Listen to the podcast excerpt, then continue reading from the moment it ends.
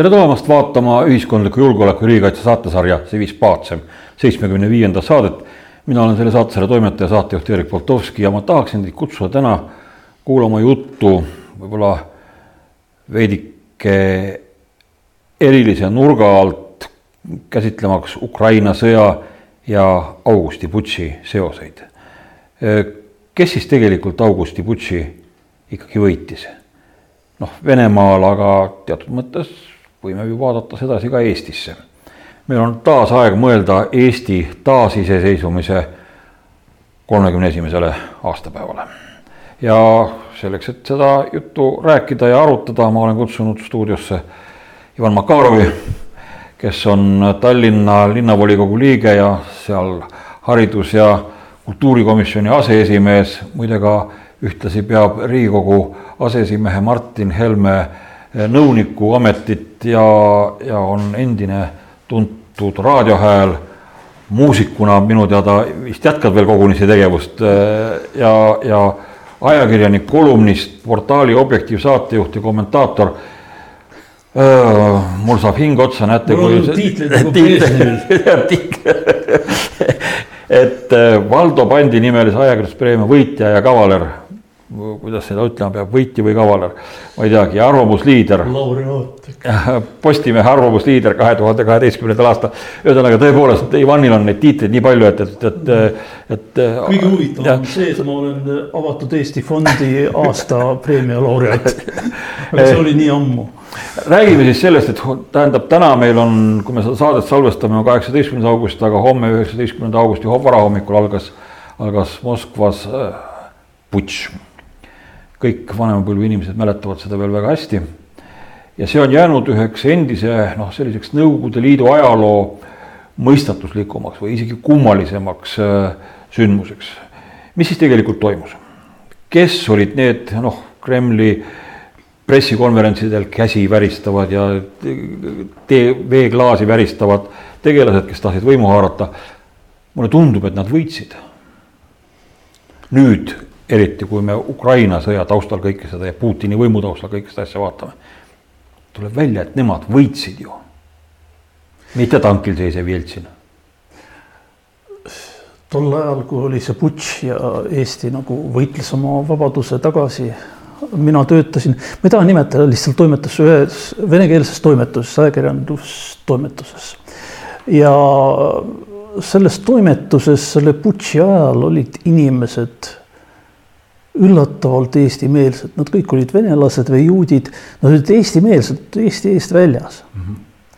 aga siis, kui toimus kahe tuhande seitsmenda aasta see pronksiöö ja need sündmused nii mõnigi samast toimetusest, mis oli muidugi koosseisu osaliselt juba muutnud, vanemad läksid eest ära, tulid nooremad äh, seal minu juurde enne tööd, enne eetrisse minekut, äh, tuldi ja nõudi, nõuti allkirja öise vahtkonna mingisugusele läkitusele, mida koostas Dmitri Krenski et paistab nii, et see oli nagu viitsütikuga pomm, et siis, kui see putš oli toimumas, siis minu kolleegid olid kõik Eesti vabaduse poolt, aga pronksi ajal meelestatus oli juba teine.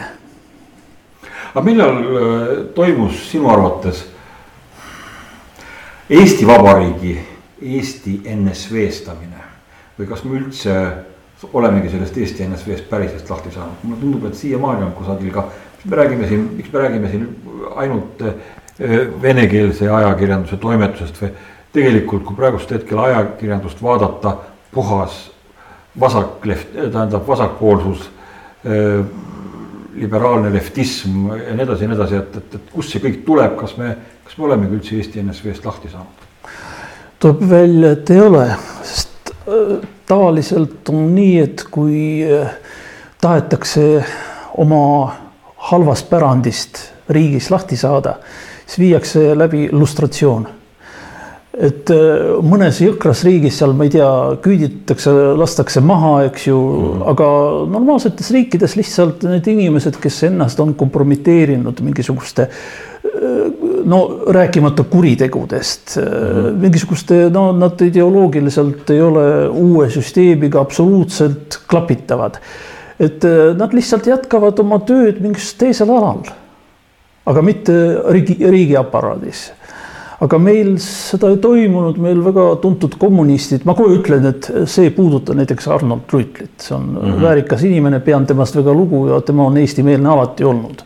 Tema ei teeselnud siis nii nagu teised, ikka mm natuke pidi mängima. aga väga vanad partei rebased on seniajani, tõmbavad niite ilmselt sina aimad, kes see on mm -hmm. ja vaatajadki aimavad. ja ongi nii, et nemad sellest äh, Eesti taasiseseisvumise šokist said lahti. Siis tulid välja igasugused äh, poolpehmed poliitikud, sellised poolliberaalid ja pärast liberaalid ja pärast juba sotside poole ja kommunismi, nad enam ise ei saa ennast identifitseerida, sest iga Äh, erakond praegu Eestis mm, -hmm. välja arvatud äh, EKRE. nii kui satub koalitsiooni, ta hakkab sobituma, ta hakkab sobituma, et meil ei ole tegelikult Eestis sellise maailmavaatelise kindla platvormiga, nad on kõik laveerivad, nad on kõik äh, sellised nagu amööbid. ja tuligi nii välja, et see asi kaldus kõik vasakule, vasakule ja ongi käes hetk, kui näiteks pärast tanki eemaldamist äh, Yana Toom esines riigitelevisioonis ETV Plussis ja avaldas arvamust, kusjuures ta oli eksalteeritud täiesti, ta oli raevus. see oli niivõrd sütitav kõne, ta oli nii kuri seal ja tema kaks korda ütles et parem, kui oleks, kui Narvas plahvataks äh, pronksilaadne asi. kaks korda ütles mm, -hmm. sellest kirjutasid ainult uued uudised ja sellest äh, kirjutas BNS, mujal ma seda uudist mitte kusagil ei ole näinud. tähendab, et Europarlamendi liige, kes esindab seal Eestit, siis äh, ta on Keskerakonna aseesimehe, Eesti suurima erakonna aseesimehe mitte aseesimehe, vaid esimehe asetäitjad, aseesimees mm. -hmm. inimene, keda kogu aeg kutsuvad nii venekeelsed kui eestikeelsed väljaanded eksperdina stuudiotesse ja intervjuudele kus kohas see tema eksperdi, eksperdi staatus üldse tekkinud on? ta ju äh, oli äh, noh, puhta parteilehe Stolitsa, kusjuures täiesti hullunud venemeelne peatoimetaja äh, ja, ja tänu sellele. ta ja... oli sellise ajalehe nagu Denzadnjom mm, -hmm. mis oli selline no,, olid sellised mustasadalased mm -hmm., vot umbes sellega võiks minna nii mõnigi isegi venekeelne lugeja nimetas seda lehte diploid, diploidiks mm. -hmm. jah, ja kujutad sa ette, peavoolumeedia vaikib sellest äh, Toomi ässituskõnest riigitelevisioonis. üldiselt seal võiks ju ka saatejuht ka sekkuda, et mm -hmm. Vabandage, see on täiesti kohatu praegu kõlas, aga hea -hmm. küll, te olete seal äh, ennast emotsionaalselt üles kütnud. -hmm. mitte ükski asjapulk, mitte ükski tegelane, mitte meie argpükslik president ka mitte kes seal esines, kui näiteks Mart Helme midagi mainis, et no mida, mida hakkavad äh, rohked põgenikud tegema, kust nad tööd saavad, eks ju, need naised. meie president äh, pidas vajalikuks seda hukka mõista. Nüüd esine ja ütle mhm. see, mida ütles Yana Toom riigitelevisioonis vene inimestele, on kokkupõrgeteks ässitamine, see ei sobi mitte.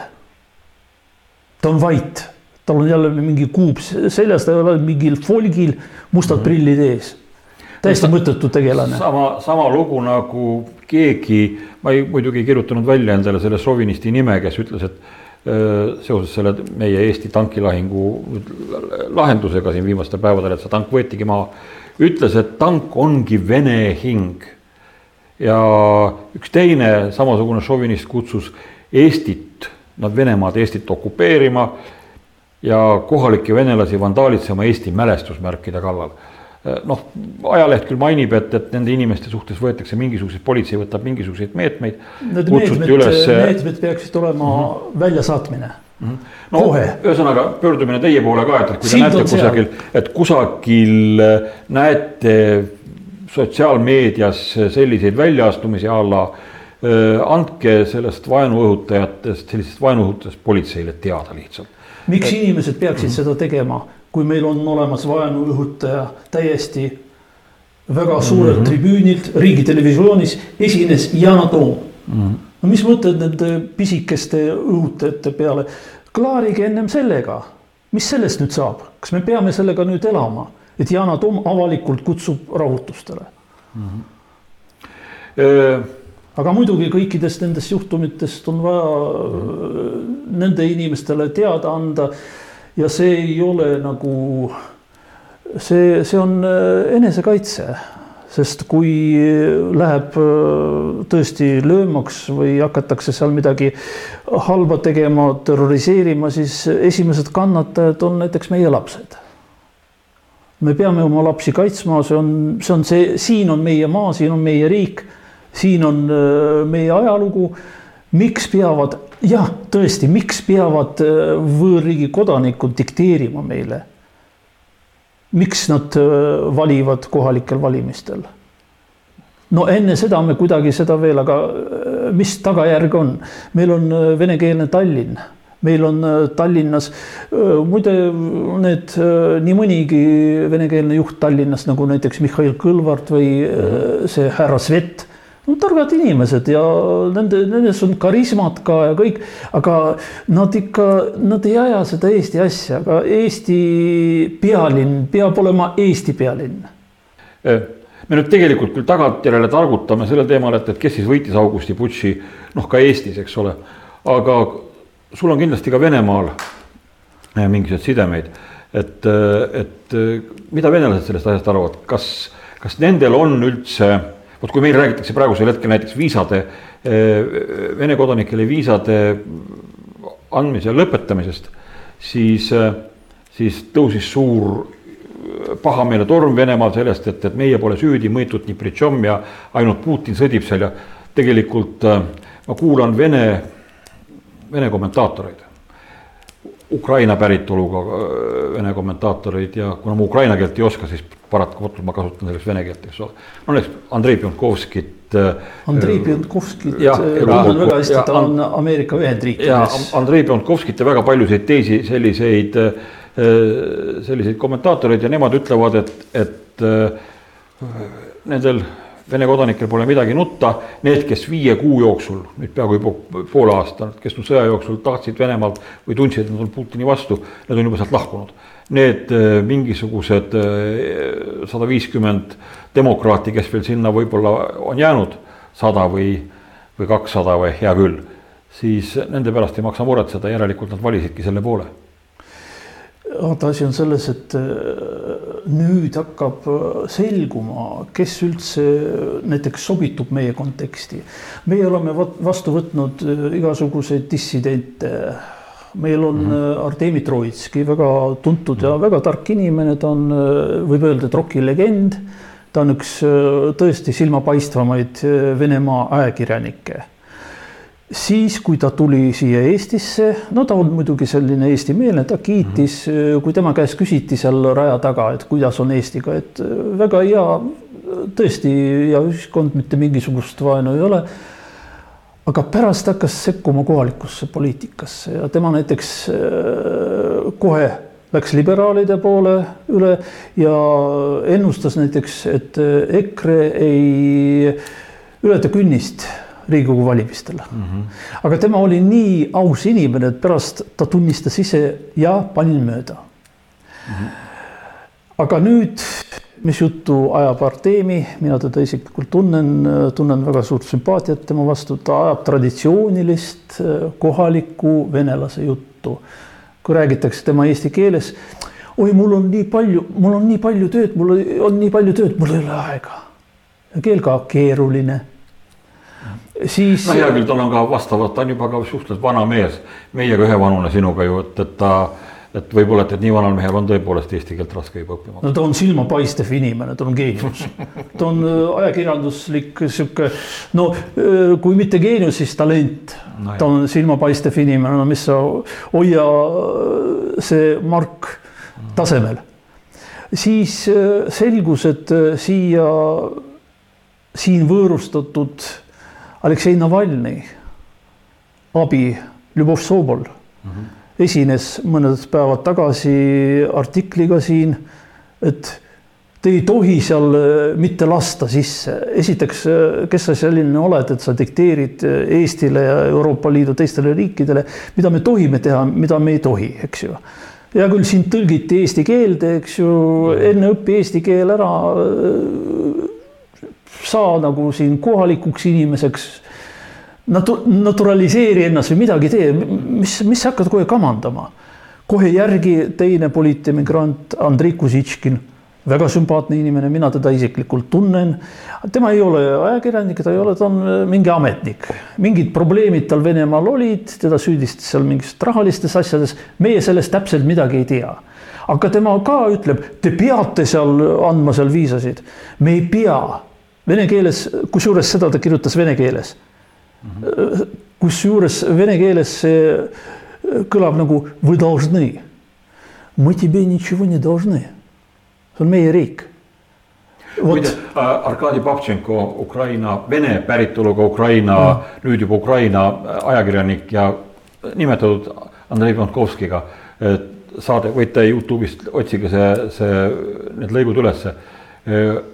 leidsid, et see on väga õige, et Balti riigid, Poola ja, ja Soome keelduvad edaspidi Venemaale viisa, Vene kodanikele viisad andmisest, sellepärast et ajal, kui, kui Venemaa peab sõda ja. Ukrainas, noh, kui nad konkreetselt tapavad, purustavad. tapavad, tapavad, vägistavad. tahavad venelased, tahavad Vene kodanikud minna välismaale ja. lõbutsema. mikspärast neil peaks õigus olema? elementaarne, lihtsalt ja. elementaarne. teise maailmasõja järel kogu Saksa rahvas Nürnbergi kohtuotsusega kuulutati vastutavaks Hitleri sõjakuritegude eest. ja seniajani vastutab. sest nemad ei kasutanud oma õigust Hitler maha võtta. rahvusena ei kasutanud oma juhi mahavõtmiseks õigust. ja täpselt sama on juhtunud praegusel hetkel Venemaal. eks ole, nii et, et kõik on loogiline. et kui Eesti riik ja ja, ja Läti ja Leedu ja, ja Poola kuulutavad ja Soome kuulutavad, et nad enam ei anna Vene kodanikele viisasid, siis nii ongi. kusjuures tead, mis juhtus Lätis? meil on äh, seniajani olnud selline äh, Moskva kanal nagu Dožd vihm, see oli eeskuju, vahepeal teda seal blokeeriti, seal neid äh, kinni peeti ja kõik, nemad kolisid Riiga ja nüüd äh, väga tuntud äh, Riia kevadel pandi ta vist peale sõja algust pandi ta koos Eho Moskviga kinni täiesti, eks ole. raadiojaamaga Eho Moskvi kinni. ja, ja nüüd äh, see toimetus kolis Riiga, Lätti ja nüüd suur Läti režissöör Hermanis esines väga suure intervjuuga, ta andis seda Nova Gazeta Euroopa mm. -hmm.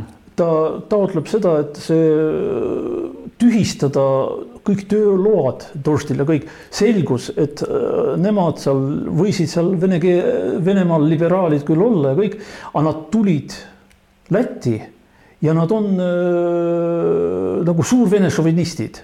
Nad sekkuvad Läti siseasjadesse, nad äh, kaitsevad punamonumente, nad äh, seal Venemaa elanike viisasid ja kõike ja kõike ja tema ütles, et see on nagu ennekuulmatu et te tulete siia, te ei tea mitte midagi ja te jõhkralt provotseerite äh, nagu vaatajat, no meil Yana Toom vähemalt elab siin päris kaua aega, eks ju.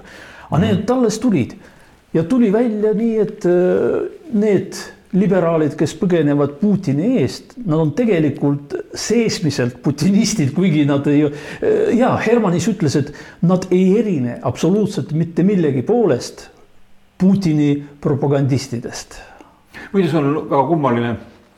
Mm, üldine selline vene iseloom, tulla võõrasse kloostrisse ehkki neil endal on vanasõna, et äh, Široi monastõrist võime saab konna minna prihoida. jah, svoim ustavam, vabandust, ühesõnaga. Äh, võõrasse kloostrisse oma põhikirjaga eratrügi. ja oma seadustega eratrügi, eks ole ja samas nad käituvad kogu aeg ise selle kõige vastu. see on, see on kohe lausa vene iseloom selline, eks ole. tulla ja hakata midagi õiendama. võtame kasvõi sellesamase Vene joodikust vanamehe, kes, keda õllepudeliga pildistati Pirita rannas ja kes ja, hakkas karjuma ukrainlannade peale, et, et, et. kusjuures ta ei olnud nii väga vana mees, ta oli ükskõik neljakümne aastane sihuke, sihuke sale enam-vähem normaalses konditsioonis ja ta oli nii kuri, et umbes te veel hakkate armastama meie keelt ja, ja sõimas neid ikka igasugustes sõnadega. ja tüüpiline, et sellises ja. olukorras ei leidu ühtegi Eesti meest, kes läheks lihtsalt ligi ja annaks talle vastu hambaid. sellise jama eest. aga seal, seal äh, vist lähedal ei olnud kedagi ja tavaliselt eestlastel on äh, selline hoiak, millest mina saan aru ma sa, saan sellest aru mm. ja ma üldse ei mõista hukka, kui eestlased näevad, et venelastel on mingi seal rasborki, eks ju mm. -hmm. Vene värk, eks ju, oi, parem eemale hoida, siis pärast sina oled süüdi mm.. sest sina oled eestlane, tulid sinna neid õpetama. see on samamoodi nagu äh, loomulikult tuleb kaitsta seal lapsi ja naisi mm. -hmm sõltumata sellest, äh, mis keeles nad räägivad, kui neid ähvardab mingisugune kaak. aga kui nad seal midagi sõnaliselt, mingisugune sõnasõda käib, ära trügi, need on nagu vene keeles öeldakse, sa trügid, hakkad kaitsma, pärast naine ütleb, et sina tulid ta mehele kallale. Ja, ja kuna sina küsisid äh, selle kohta, et kas ENSV on tagasi, aga protsessid käivad ju samad meil tuleb meeletult palju migrante. nagu Vene ajal oli isegi selline laul, mu aadress ei ole ei, ei ela oma majas, ei tänaval, mu aadress on NSV Liit. mina seda teksti muide tõlkisin Vanemäe jaoks, on üks kuulsamaid nende laule.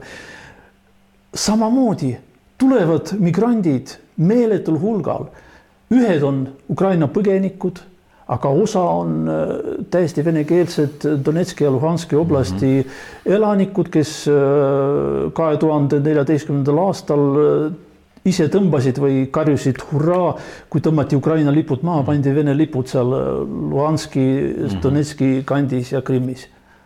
nii et käib sama protsess, kusjuures meeletus tempos ja sealt tulevad läbi Venemaa ja läbi Narva piiripunkti meile ütlevad, et me oleme põgenikud, päästke meid nüüd ära. ja, ja et mm -hmm. nad tulevad Venemaast läbi ja äh, läbi filtri. et kõik need, kes on Ukraina rahvuslased, kes on tõesti, kes neid Eestisse laseb Venemaalt ei ole, nad on filtratsioonilaagrites, nad on, ma ei tea, mõne, mõned ei olegi elavate kirjas. ja siia tuleb, me ei tea, enamus, ma usun, enamus on põgenikud, eriti need naised ja lapsed, ma usun aga väga paljud on äh, samasugused nagu tulid meile siia seitsmekümnendatel, kaheksakümnendatel aastatel ja kuuekümnendatel, no pärast sõda. Äh, kuidas venelased ise vaatavad selliste inimeste peale, kes, kes sealtkandist tulevad, nii et? Äh, ei sallita, oi, siinsed venelased mm, -hmm. oi ei sallita.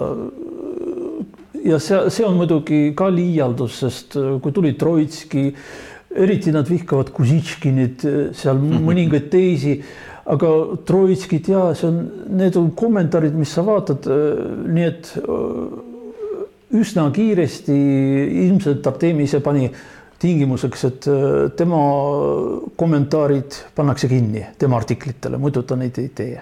aga ta teeb hästi vähe, teda igalt poolt söödi välja, siis kui ta oli ETV Plussis, tegi niisugust tobedat saadet. ta tegi sa ette, tuleb hiiglane Venemaalt. ta, ta on tõesti suur, kohalikusse vene tussovkasse, venekeelsesse, kus intelligents peaaegu puudub üldse. ja teda pannakse ETV Plussis tegema saadet, kus ta tutvustab kohalikke kääbuseid, mingisugused kohalikud Tegelinskid, ka, ka siuksed internatsilikud. Ja tema neid nagu vot see oli totu kuul Tottu tuli küll ja tema ei tea, et nüüd ta hakkab neid uuesti tutvuma.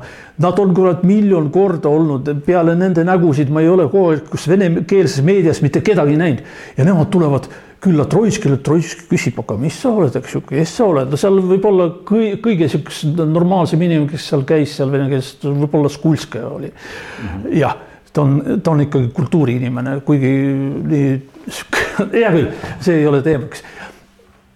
nii et selline asi ja siis, äh, kui äh, oli väga suureks probleemiks TV Plussi reiting et nii madal, et mõni juht isegi ütles, et peab vaatama veel, kui aasta pärast ei muutu, siis hakkab mõtlema nagu kinnipanemisele. ja siis Yana Toomi käest küsiti, vist ETV Pluss küsis, mida on vaja teha, et ETV Pluss saaks populaarseks. mis ta vastas selle peale?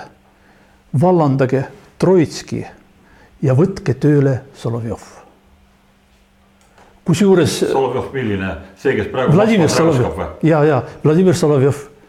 no see, kes võõrustab kogu aeg Toomi seal Venemaal oma saates mm. -hmm. ta ütles sellist asja, no kus olid kõik need äh, meie ajakirjanike ja vaba sõna kaitsjad, äh, mingi Kersti Kaljulaid, mis mõttes poliitik annab käsu riiklikule telekanalile, vallandage Troitski, võtke tööle Solovjov ja lisas veel aga kui te võtate. äkki veel Skabeva ja mis selle teise plika nimi on? ja, et äh, ja siis ta lisas veel, aga kui te ajate minema Troitski, siis võib-olla Solovjovi ei olegi vaja. kujutad sa ette, missugune inimese vihkamine on, sa ja selline on meil äh, arvamusliider, igal pool küsitakse, kuidas on. Ja siis ta hakkab kohe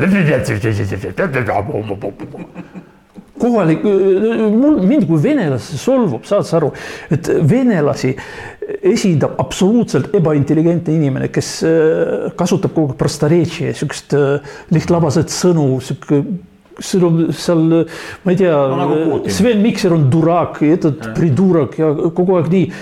Ja kogu aeg väänab, kogu aeg tõmbleb sihuke. ta sellist asja veel pole öelnud, et, et matšit nad assortiiri Äh, ei ole öelnud, ei ole öelnud, aga ta ütles paar päeva tagasi siis, et äh, kahju, et Narvas äh, ei ole plahvatust toimumas nagu pronksiöö ajal noh, see on iseloomulik, et, et Yana Toomi haibitakse igale, igale poole. miks eestlased seda teevad? ja miks eestlased seda teevad? aga sellepärast, et nad, nendel on mingi diil.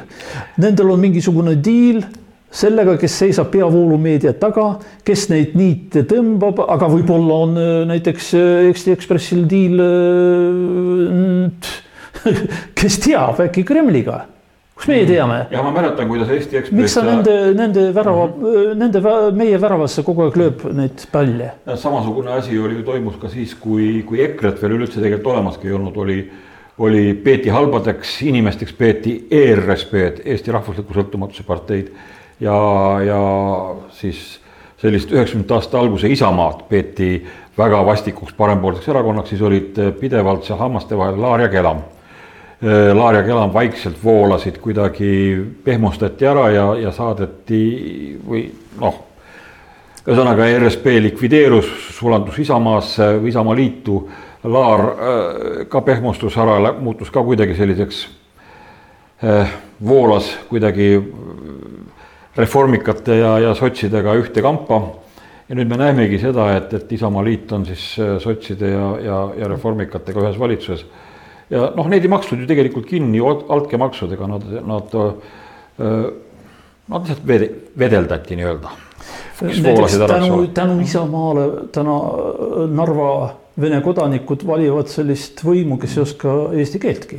ja nii ma tahtsin sellega seoses öelda, et, et, et minu meelest praegusel hetkel Eestis ongi see, mis oli vabadusvõitluse ajal Eesti Rahvusliku Sõltumatuse Partei. see, kes, kes oli põhiline organiseeriv jõud Eesti komiteede liikumise taga, kes oli põhiline jõud Eesti Kongressi liikumise taga. kodanike komiteedes osalesin ka mina Tallinna komi-, Tallinna või siis pealinna komitees, eks ole, natukene. ja ma, ja ma mäletan neid aegu hästi, kõiki neid inimesi ja nägusid, kes seal olid. praegusel hetkel seda vaimu esindab EKRE ja ainult EKRE. ja sellepärast me olemegi vaenlased. sest omal ajal täpselt samamoodi ja täpselt needsamad inimesed isegi sõimasid ju ka ERSP-d ja seda alg, algaegade Isamaa liit, Isamaad või Isamaaliitu. ühesõnaga, et ja sellepärast ongi vaja meil äsja asutatud, mis see pagan, parempoolsete partei või? kes, kellest, kellest Eesti, kelle, mille asutamisest Eesti Televisioon. kunagi aastaid tagasi ma mäletan Rein Lang ütles, kirjutas kusagil lehes, sihukese asja, ma, siis muidugi vihastasin ta peale, siis ma ise töötasin seal ERR-is või mis see oli seal. ma ei mäleta, kas ta ütles seda siis, kui juba tele ja raadio olid ühendatud või enne seda, ma täpselt ei mäleta. aga ma vihastasin, mis mõttes ta tahab mind tööst ilma jätta. Rein Lang ütles, tuleb see jõuk täiesti laiali peksta. Mitte ühtegi enam mitte jätta ja siis moodustada uus mingisugune ringhääling, et mm -hmm. nad on läbinisti mäda, läbinisti ja nad toovad sinna, tõmbavad samasuguseid sisse. nii ongi, muide, mikspärast üldse ETV Pluss jätkas, kas reiting tõusis pärast seda, kui Yana Toom, nagu sa rääkisid siin, tegi oma ettepanekuid ja kas see reiting pärast seda tõusis? kusjuures Troitski löödi välja. Ma ei tea, kas löödi välja, aga tema saade lõppes, rohkem me teda ei näinud. teda, ma mäletan, teda taheti panna ka venekeelsesse raadiosse mm. -hmm aga seal. Raadio nelja siis tähendab jah? no ma ei tahaks sellest rääkida, ma ise seal mm. töötasin, ma ei tahaks neid arutada mm., aga endine peatoimetaja rääkis minuga, siis ütles ainult üle tema laiba. tema ei taha, mind taheti veel panna Troitski toimetajaks. Juhul, kui sina seal nõustud või mina ütlesin, Troitski on, mina olen ise nagu seotud muusikaga, endine muusikavaatleja, see on ise muusik mm -hmm. ja mina ei saa olla niivõrd muusikakriitikas suure inimese toimetaja, nagu on Artemi Troitski. no ma tõesti ei saa tema toimetaja olla, sest äh, see on liiga suur figuur, see on, ma ei ole nii ülbe. Ja siis, aga siis leiti täiesti absurdne lahendus Troitskit ei lastudki venekeelsesse eetrisse, aga äh, ta tegi mõnda aega vene keeles saadet Raadio kahes no see on, selles riigis on kõik, kõik, vabandust, vene keeles. Eesti Raadio kaks on ju eestikeelne raadiojaam. ja, ja, ja, ja ta ju tegi seal. kahest teeb venekeelset saadet. ja, ja, ja, ja, ja, ja meile ette, ma ei tea, miks sellest keegi ei räägi, ainult mina vahel vandun, aga, aga mul selline tunne, plaat läks katki, no miks ETV Plussi, meie riigikanali peatoimetaja on Putini alam, miks ta on Vene, Vene Föderatsiooni kodanik? miks see on, see oli loodud vastukaaluks. Miks see kanal ostis sisse neid Vene seriaale, mis ülistasid sõda ja sõjakangelasi seal mingid lendurid, miks? miks sinna kutsuti saatejuhte Moskvast, miks? no, no see on hullumaja, vot, vot kunagi räägiti, et seal, kus Äh, lõpeb, ei, seal, kus algab Eesti Raudtee, seal. Äh, lõpeb mõistus. lõpeb mõistus, samamoodi seal, kus lõpeb, äh, kus algab praegune ERR, lõpeb mõistus. sa mõtle ise, kogu aeg raha ei ole, raha ei ole, mingi lõigati viis minutit saatest Välisilm või midagi taolist, raha ei ole aga avavad aina uusi portaale, mingisuguseid uusi projekte tehakse, ehitatakse kolossaalne monstrum sinna tahetakse ehitada, kolossaalne klaasis monstrum, mis varjab kõiki teisi maju. mis raha eest? mis lolli te mängite, ma ei saa aru, Eesti, Eesti riik, saad sa aru, see on ohtlik, kui riik hakkab muutuma naeruväärseks mitte keegi ei kutsu välja seda, kes seal on, Roose ikka lükati tagasi, Veidemann teda lükkas tagasi nagu mm -hmm. tead seda, ma ei tea, küünalt persse. ausalt, noh lükati tagasi ja nüüd ta seal ehitab, avab uusi saateid, möliseb, andke juurde raha, eks ju täiesti nahaalne värk, selle asemel võiks keegi lihtsalt kutsuda välja ja öelda, kuule mees, tahad seal olla, käitu sündsalt, lihtsalt sündsalt kas lahendus oleks see, kui Eesti ETV Pluss üldse likvideeritaks või oleks lahendus see, kui selle kanali etteotsa pandaks täiesti kindel äh, eestimeelne mees, võib-olla isegi lausa eestlane, kes teekski tõepoolest puhastuse sellest ETV Plussis või tegelikult muidugi ETV Plussis ei saa. vahel on eestlased hullemad veel. kui? Hullemad veel. Kui... mul on äh, kogemused olnud eestlastega töötamiseks, nende pluss oli ainult see olnud, et nad ei lubanud mind venekeelsel kollektiivil ära süüa mm, -hmm. täielikult ära süüa. aastaid ei lubanud, aga üldiselt eestlased on veel hullemad selles mõttes, et nemad nagu mõtlevad, aa Vene värk, vot jälle see Jälle delikaatsus, delikaatsus, räägib seal alluvatega. Vene, kujutad sa ette, kui näiteks mitu ajakirjanikku toimetuses ei oska eesti keelt üldse mm. -hmm. hommikul lähevad uudistega välja, nad ei oska eesti keelt. ma räägin, see on absurdimaa, absurdimaa aga kindlasti ETV Plussi, kui palju sinna raha juba raisatud no, no alustas, sa räägid sellest, et mingi eestimeelne, no alustagem kasvõi sellest, et oleks vähemalt Eesti kodanik, see peatoimetaja. no alustame kasvõi sellest. Mm jah, aga nüüd eh, loomulikult peaks see reiting tõusma, kuna kõik need Vene mürakanalid on kinni pandud.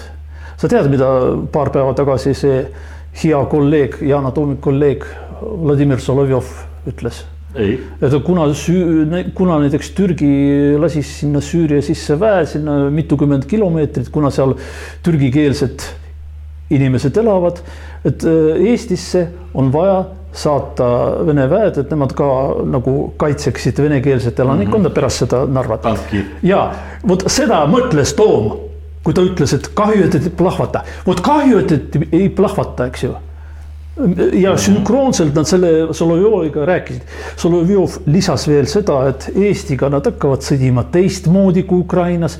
Nad kasutavad teist relva, nad äh, kasutavad täppislööke väiksemate tuumapeadega sinna, kus on NATO üksused mm. -hmm see on nüüd äh, selle Toomi sõbrad siis Solovjov, Bashar Assad mm -hmm. ja nii edasi ja me kõiki neid muidugi ei tea ja Eesti peavoolumeedia vaikib, sest Eesti peavoolumeedia ja need poliitikud, kes mängivad seal oma sihukeste naha päästmise mänge, kuna märtsis on valimised.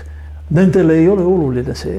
Nendel on oluline see, et äh, need peavoolumeedia saaks klikke, saaks, ma ei tea, Sooruse fondis midagi, siis riik alles andis kõigile ju lisamiljonid mm. -hmm. sealt saaks midagi, sealt tilguks et siis presidendi vastuvõtule kutsutakse. nüüd on meil president, no ei liha ega kala, ma ei tea, milleks meil üldse see institutsioon, hoidke kokku kuus miljonit, ajage see kontor laiali. Mm.. ta kirjutas mitme, ta kinnitas mitu ministrit. Ja pärast selgus, et üks ei kõlba, teine ei kõlba, sellel on mingisugune, ma ei tea, kosjakontor mingi spermaäri, sellel on, ma ei tea, haridus ei ole, no ma ei tea, no enne kui sa kinnitad, sa ikka uuri asja, las su nõunikud uurivad. aga kui nõunik on Toomas Sildam, ma, ma ei tea, mida ta uurib.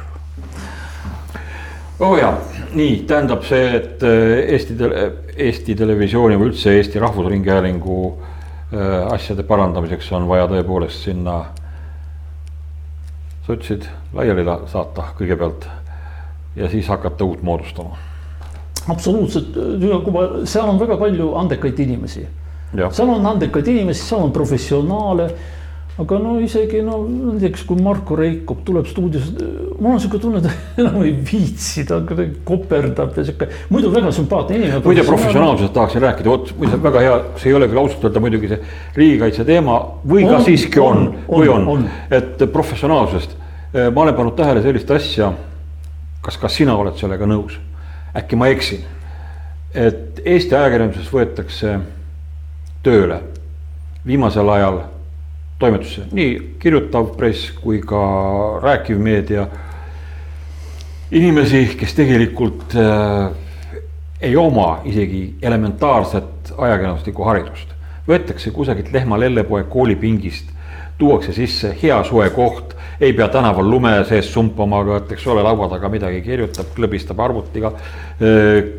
käib saates nagu meiegi siin soojas toas, praegu küll koljas kolmkümmend pluss kraadi, aga, aga talvel olek, on ju mugav soojas stuudios tööd teha, eks ole, või nii edasi ja nii edasi. selle asemel, et, et peaga mõelda kusagil võib-olla inseneriamet selgeks õppida ja professionaalid, muide, need noored ei küsi ju palka nendele võib maksta täiesti suvalist kopikat, eks ole. ta on veel õnnelik ka, et teda lubatakse suure ajalehe toimetusse, et eks ole, ja on vait ja käsutäitlik ja kõik nii edasi. samal ajal mingisugune professionaal, kellel on juba nimi ja ametioskus ja kellel on ka vastav haridus.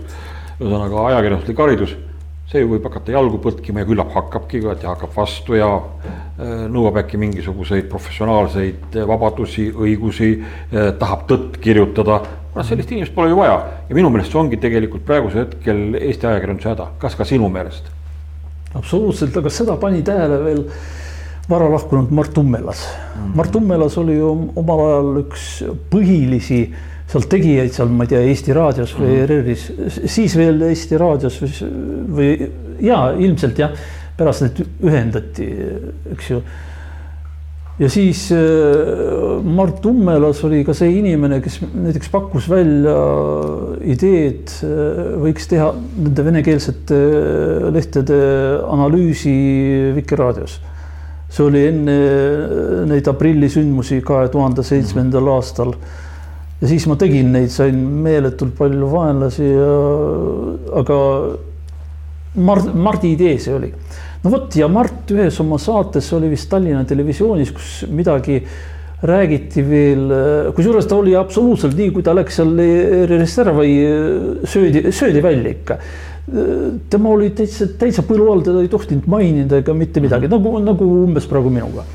et äh, tema ütles, et äh, Eesti raadios ja televisioonis, ERR-is on selline traditsioon juba iidne.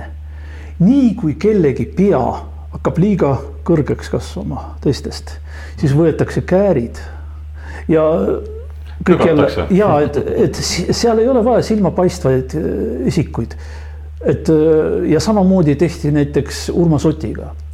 mina täna enne seda saadet ma kuulasin Kuku raadio, see on raadio mõtlevale inimesele.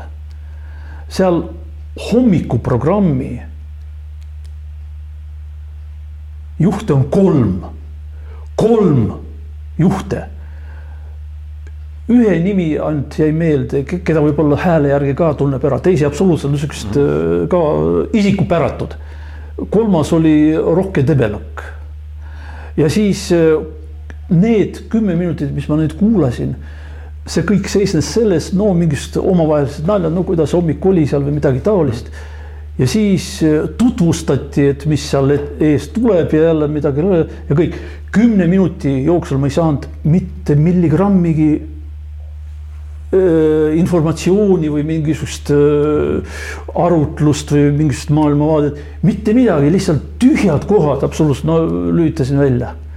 ei ole võimalik raadiot kuulata, noh, või tuleb sinna mingisugune poliitik, eks ju, kas Yana Toom või jälle mingisugune venekeelsetes kogu aeg Jufereva igal pool käib ja hakkab seal rääkima midagi jälle oma ümberaugu juttu. no ma mõtlen, et ikka teema on ikka sama, et saaks jälle hääli valimistel see on kõik alla käinud. ma tunnistan ausalt, et ma olen ise viimastel aastatel jäänud väga viletsaks Eesti meedia jälgijaks. et eh, ma eelistan lugeda inglisekeelset ja venekeelset ajakirjandust. Venekeelset just demokraatide, just selliseid mehi nagu, nagu on sama nimetatud juba Andrei Pjankovski, Ukraina kolonel, polkovnik Ždanov. seal on Arkadi Pavtšenko ja noh, neid on veel väga palju, keda, keda tasub lugeda vene keeles. Loomulikult mitte Solovjovi. Ja Skabejevat, Skabejevat.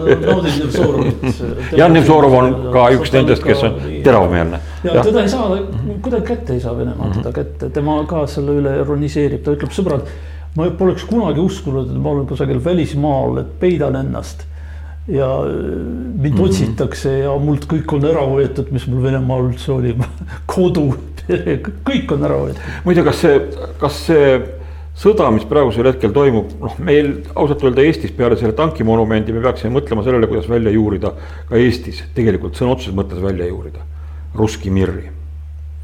sedasama vene šovinistlikku programmi.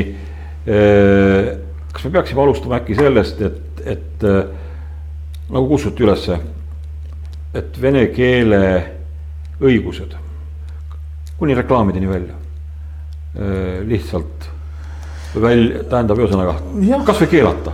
sõna otseses mõttes riikliku programmina, ma ei tea, kui võimalik see on, eks ole, ma ei ole poliitik.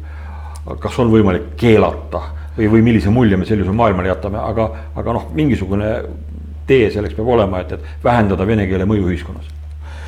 Äh, ma ütlen sulle nii, et äh, siin on olemas põhjus ja tagajärg ja see vene keele mõju. Ma küll soovitaksin alustada näiteks mm -hmm. Eesti Rahvustelevisiooni Aktuaalses Kaameras sellest suurest mm. -hmm seal on, ma ei tea, juba ma ei tea, neljandik või varsti kolmandik mõnes saates moodustavad äh, venekeelset intervjuud. kusjuures näidatakse mingist koolidirektoreid, ma ei tea, mingist õpetajad, mingisuguseid juhte ja kõiki, keegi ei räägi eesti keelt, räägib vene keeles alustage kasvõi sellest, et dubleerige see ära. Venemaa, Venemaal on, ma ei tea, sada nelikümmend seitse tuhat inimest elab või, või natuke vähem või natuke rohkem. umbes sada nelikümmend viis miljonit jah ja, sada nelikümmend viis miljonit. siis välismaal on veel sadakond või rohkem miljonit, neil on meeletu suur selle keelebaas ja sa vaata neid venekeelseid uudiseid, ükskõik, Pervõi kanal, Werther mm, -hmm. igal pool, kus hakkab rääkima mingi välismaalane või hakkab rääkima mingist äh, väiksemas keeles, kohe esimene sõna kõlab ja siis kohe loetakse väga hästi peale. Nad ei lase kõlada võõrkeeltel nendes uudistes, sest, sest äh, meil on riigikeel, vene keel, kõik on vene keeles. Aktuaalses Kaameras kogu aeg räägitakse vene keeles ja siis püütlikult subtitreeritakse. subtiitri, aga kuidas need vanad inimesed seda äh, jälgivad, see on ju raske küllaltki lugeda. ja kui sa loed sinna neid subtiitreid, sa ei vaata seda üldpilti, see on hästi ebamugav. uudistes peab olema kõik dubleeritud. sama, sama muidugi puudutab ka neid äh, ingliskeelseid ja teisi asju aga põhiline on see vene keel, aga vene keele puhul äh, lisandub see inimese teatud selline kuidas öelda, ebameeldiv tunne, no meil on nagu Eesti, eks ju, meil on, see on Eesti Rahvustelevisioon, see on põhiline öö, uudistekanal. ja siin te ka vene keeles, no hea küll, seal Narva see linnavolikogu vene keeles, no tehke kasvõi eesti, eestikeelsed uudised eestlastele, tehke eesti keeles ma, ma saan aru, et, et te olete laisad, et äh, andke Eesti Televisioonile, andke veel mõned miljonid, äkki nad hakkavad seda tegema. Vot ja sellepärast äh, ongi suur probleem sellega, et äh, vene keel astub eesti keele varba peale, nagu ennustas Yana Toom. Eesti keel sureb niikuinii koos eestlastega välja, vene keel võidab aga kust see tuleb? see on tema märg unistus ja, või märg unenägu. ja, aga see on nagu rohkem tagajärg, kõik algab näiteks kohalikest omavalitsustest. Kui te lasete Venemaa kodanikel valida võimu, miks te pärast imestate, et äh, seal vene keel on kõikjal? aga ongi, mida te tahate, aga see ongi õige. Ma praegu ütlen, ma, ma, ma olen, äh, ma vene keeles praegu viimasel, viimastel aastatel peaaegu ei räägigi, ainult kui õde helistab või midagi taolist. ma ei kirjuta vene keeles põhimõtteliselt, ei ole mõtet, see on nii ära solgitud auditoorium, seal pole mõtet. no ma ei tea.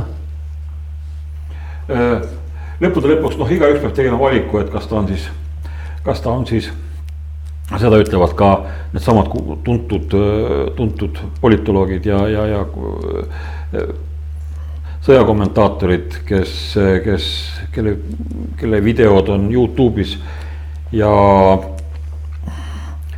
ja kes on noh, väga paljudele, ütleme siis heas mõttes venekeelsele demokraatlikule sellele tutivale autoriteetideks, et igaüks, kes kes praegusel hetkel läänemaailmas eh, elab, peab tegema valiku, kas ta on Butša vägistajate poolt, eh, Butša mõrvarite poolt, eh, marodööride poolel, kogu selle jah, Putini sõjamasina poolel või ta on tsiviliseeritud maailma poolel.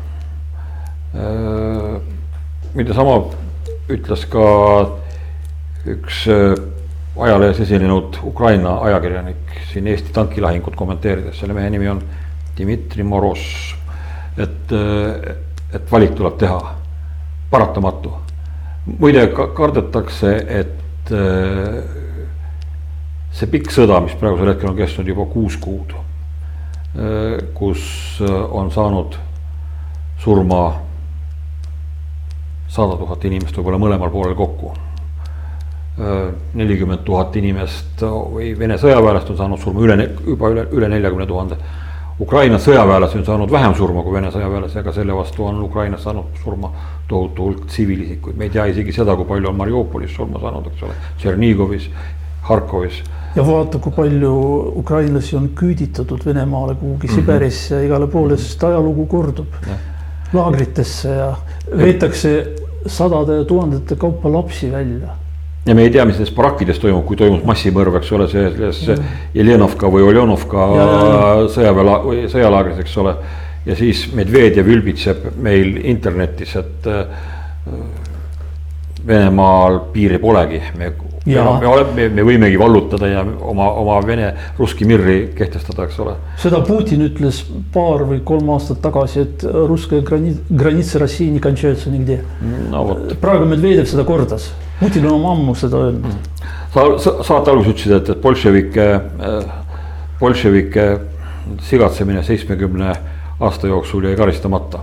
ei toimunud ju mitte mingisugust äh, Nürnbergi protsessi, Jeltsin mm. Venemaal ei teinud seda ja meil siin Eestis seda enam ei tehtud, meie, meie, äh, meie kommunistidega, et võime siis ilmselt ma ei tea, tänasele saatele võib-olla mingisuguse joone alla hakata tõmbama, et, et äh, kes tegi või kes see tegi ise tegi. on ka nii või?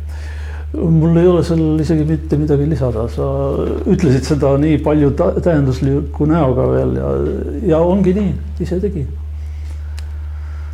nüüd tuleb mõistus pähe võtta ja hakata midagi ette võtma, sellepärast et sõda käib ja, ja see sõda tuleb võita. kuigi arvatakse, et seda sõda võita ei ole võimalik.